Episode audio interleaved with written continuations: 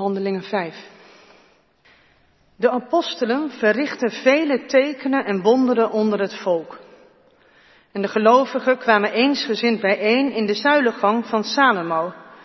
En, ofschoon niemand zich daarbij hen durfde te voegen, sprak het volk vol lof over hen.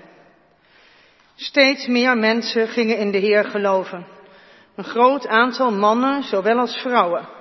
En zij legden zelfs zieken op draagbedden of matrassen buiten op straat, in de hoop dat toch tenminste de schaduw van Petrus, wanneer hij voorbij kwam, op een van hen zou vallen. Ook vanuit de steden rondom Jeruzalem stroomden de mensen toe. Ze brachten zieken mee en mensen die door onreine geesten gekweld werden. En allen werden genezen. Evangelie hoofdstuk 20. Op de avond van die eerste dag van de week waren de leerlingen bij elkaar. Ze hadden de deuren afgesloten omdat ze bang waren voor de Joden. En Jezus kwam in hun midden staan en zei, ik wens jullie vrede. En na deze woorden toonde hij hun zijn handen en zijn zij. En de leerlingen waren blij omdat ze de Heer zagen. En nog eens zei Jezus, ik wens jullie vrede. Zoals de Vader mij heeft uitgezonden, zo zend ik jullie uit. En na deze woorden blies hij over hen heen en hij zei, ontvang de Heilige Geest. Als jullie iemand zonde vergeven, dan zijn ze vergeven. Vergeven jullie ze niet, dan zijn ze niet vergeven. Maar één van de twaalf, Thomas, dat betekent tweeling, was er niet bij toen Jezus kwam. Toen de andere leerlingen hem vertelden, wij hebben de Heer gezien, zei hij, alleen als ik de wonden van de spijkers in zijn handen zie en met mijn vingers kan voelen, en als ik mijn hand in zijn zij kan leggen, dan zal ik het geloven. een week later waren de leerlingen weer bij elkaar. En Thomas was er nu ook bij. Terwijl de deuren gesloten waren, kwam Jezus in hun midden staan. Ik wens jullie vrede, zei hij. En daarna richtte hij zich tot Thomas. Leg je vingers hier en kijk naar mijn handen. En leg je hand in mijn zij. Wees niet langer ongelovig, maar geloof.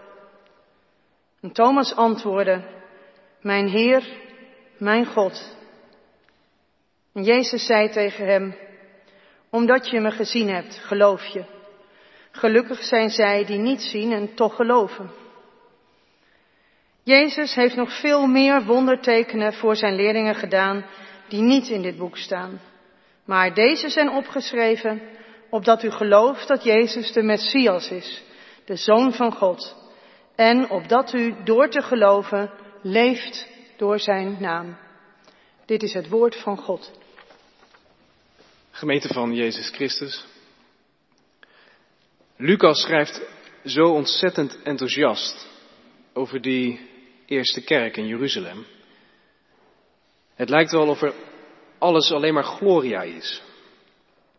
God is in die gemeente zo duidelijk aanwezig, je kunt het aan alles zien. Maar vooral dat ene detail. Dat ene detail over die schaduw van Petrus, dat spreekt tot de verbeelding. Zieken worden langs de kant van de weg gelegd in de hoop dat zelfs maar de schaduw van Petrus op hen valt als hij voorbij loopt. Want zelfs dan worden de zieken genezen van een schaduw. Ik vind het fascinerend. Tegelijk maak ik het ook maar lastig mee. Ik heb soms wel wat moeite met het Bijbelboek Handelingen. Wat Lucas daarin allemaal opschrijft over de begintijd van de kerk lijkt vaak te mooi om waar te zijn. De gelovigen lijken sterker, hun geloofsgemeenschap eensgezinder en de wonderen groter dan alles waar wij vertrouwd mee zijn.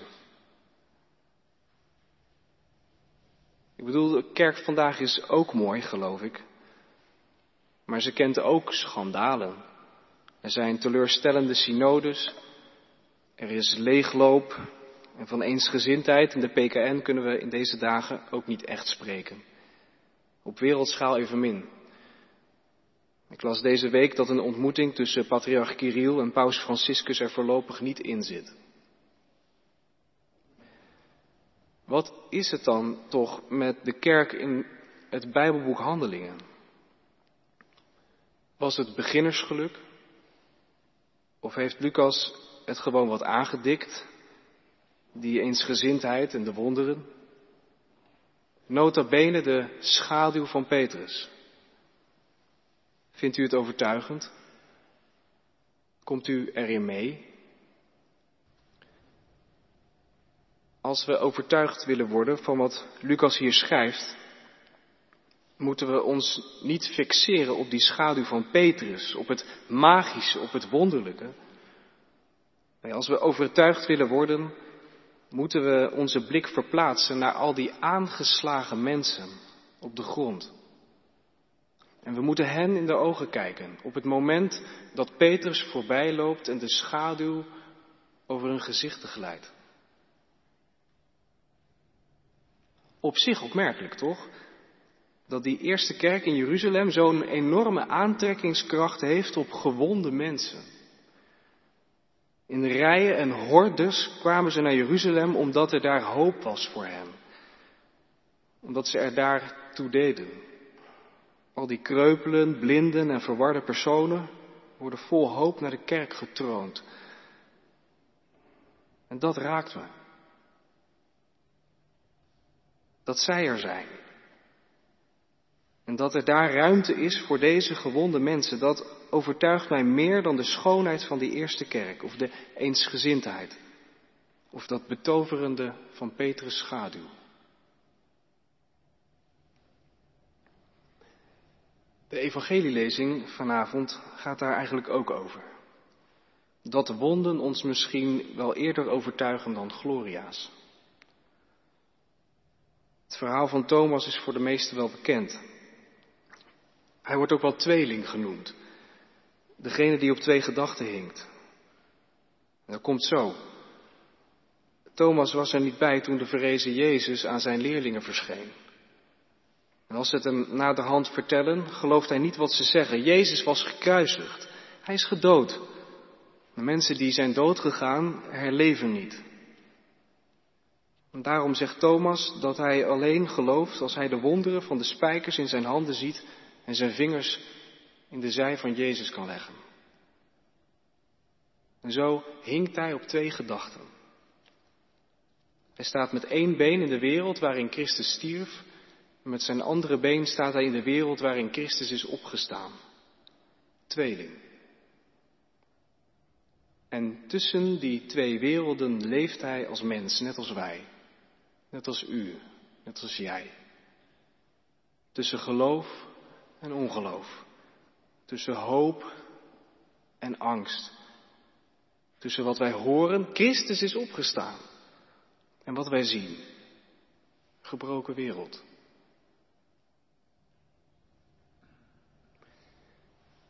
Ik denk dat Thomas' vraag meer is dan alleen de verificatie van het echte lichaam van Jezus.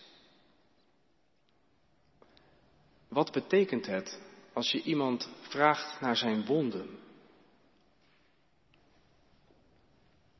Wonden zijn kwetsbaar. Wonden maken een mens weerloos. En daarom laten we onze wonden en onze kwetsbaarheden niet zomaar zien aan iedereen. We doen maskers op. En we bedekken de wonden van ons leven. Op straat vraagt iemand, hoe is het? En je zegt al gauw dat het goed gaat. Naar iemands wonden vragen is vragen om iemands kwetsbaarheid. Het is vragen naar wat iemand nog meer is dan de oppervlakte. Iemands wonden zoeken is echtheid zoeken. Alle opsmuuk en neppigheid moet eraf. Een wonde zeggen waar het hart zit. Waar iemand om geeft. Waar iemand voor lijdt en wat iemand dus ook lief heeft. En wat iemand koestert.